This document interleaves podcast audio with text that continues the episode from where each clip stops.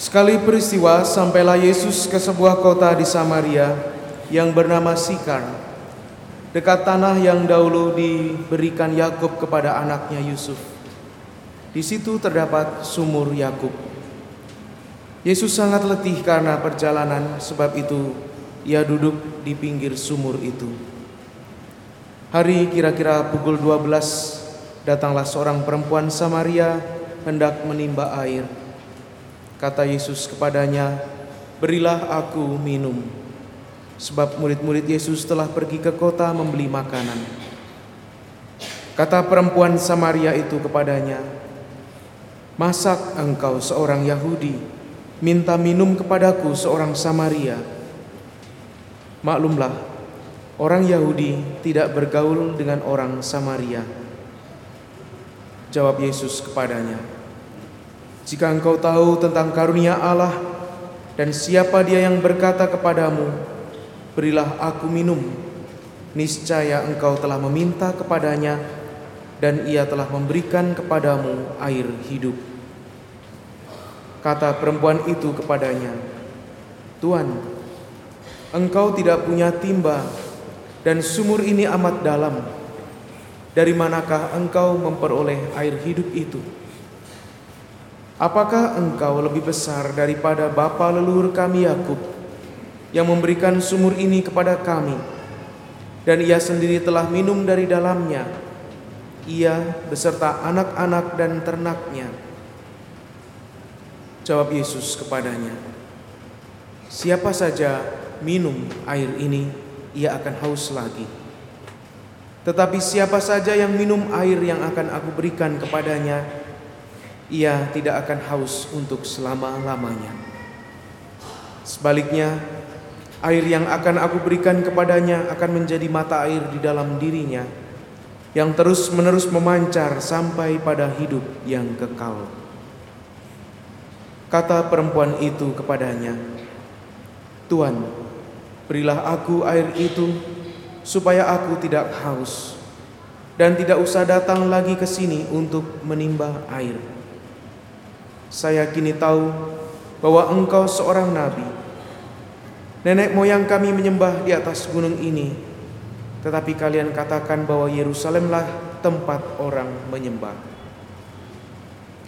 Kata Yesus kepadanya, Percayalah kepadaku, hai perempuan, saatnya akan tiba bahwa kamu akan menyembah Bapa bukan di gunung ini dan bukan juga di Yerusalem.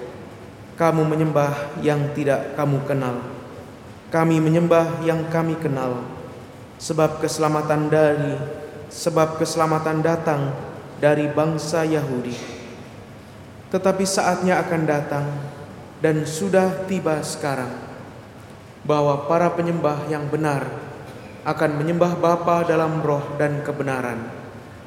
Sebab Bapa mencari orang-orang yang menyembah Dia secara demikian.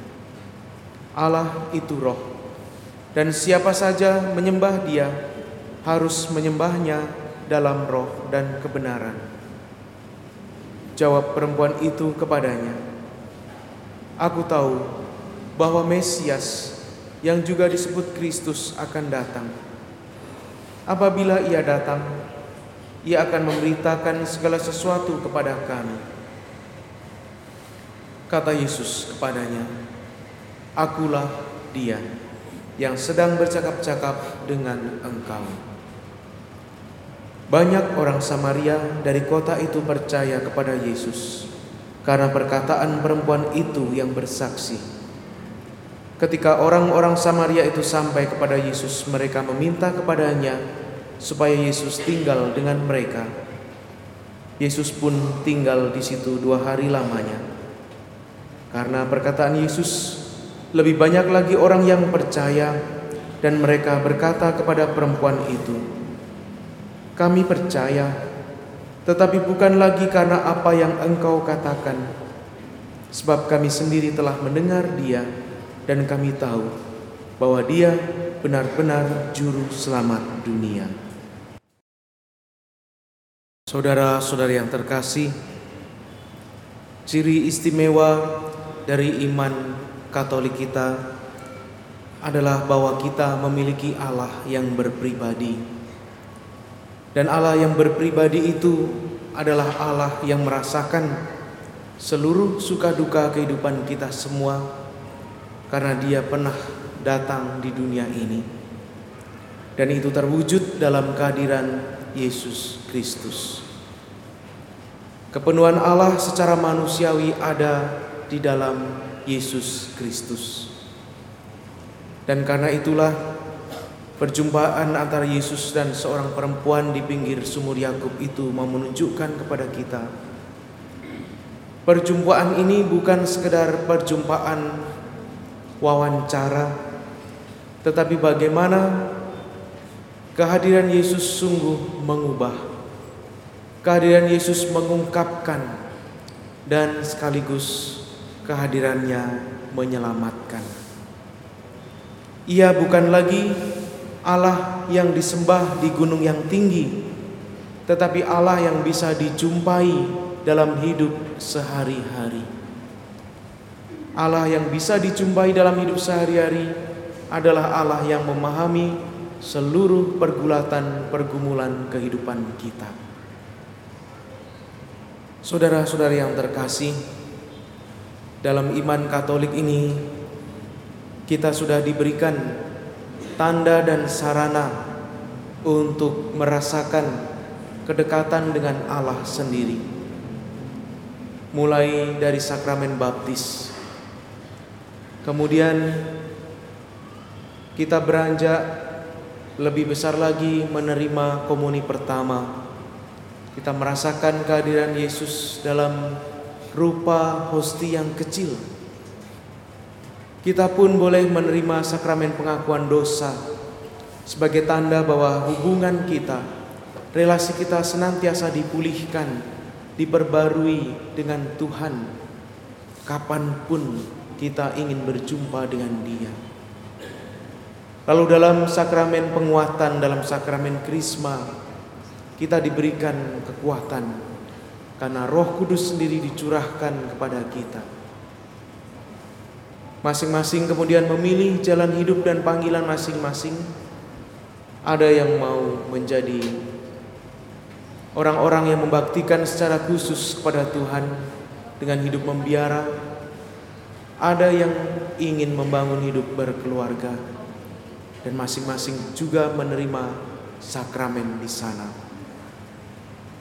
Dan pada saatnya ketika kita sedang sakit, membutuhkan kekuatan dan pendampingan dari Tuhan, gereja memfasilitasi kita dengan minyak urapan sebagai tanda bahwa Roh Kudus senantiasa menyertai, mendampingi seluruh pergumulan hidup kita.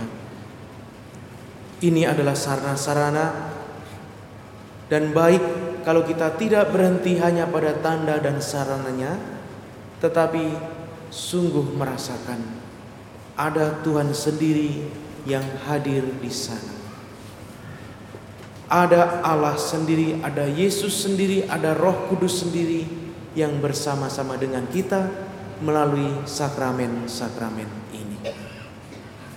Semoga perjumpaan Yesus dengan perempuan di pinggir sumur Yakub ini membuka mata, hati dan telinga kita bahwa saat ini kita jauh lebih beruntung daripada perempuan ini karena kita bisa berjumpa dengan Allah secara lebih dekat lagi secara waktu juga kapan pun kita akan datang pada saat perayaan Ekaristi semuanya adalah rahmat yang patut kita syukuri dari hari ke hari.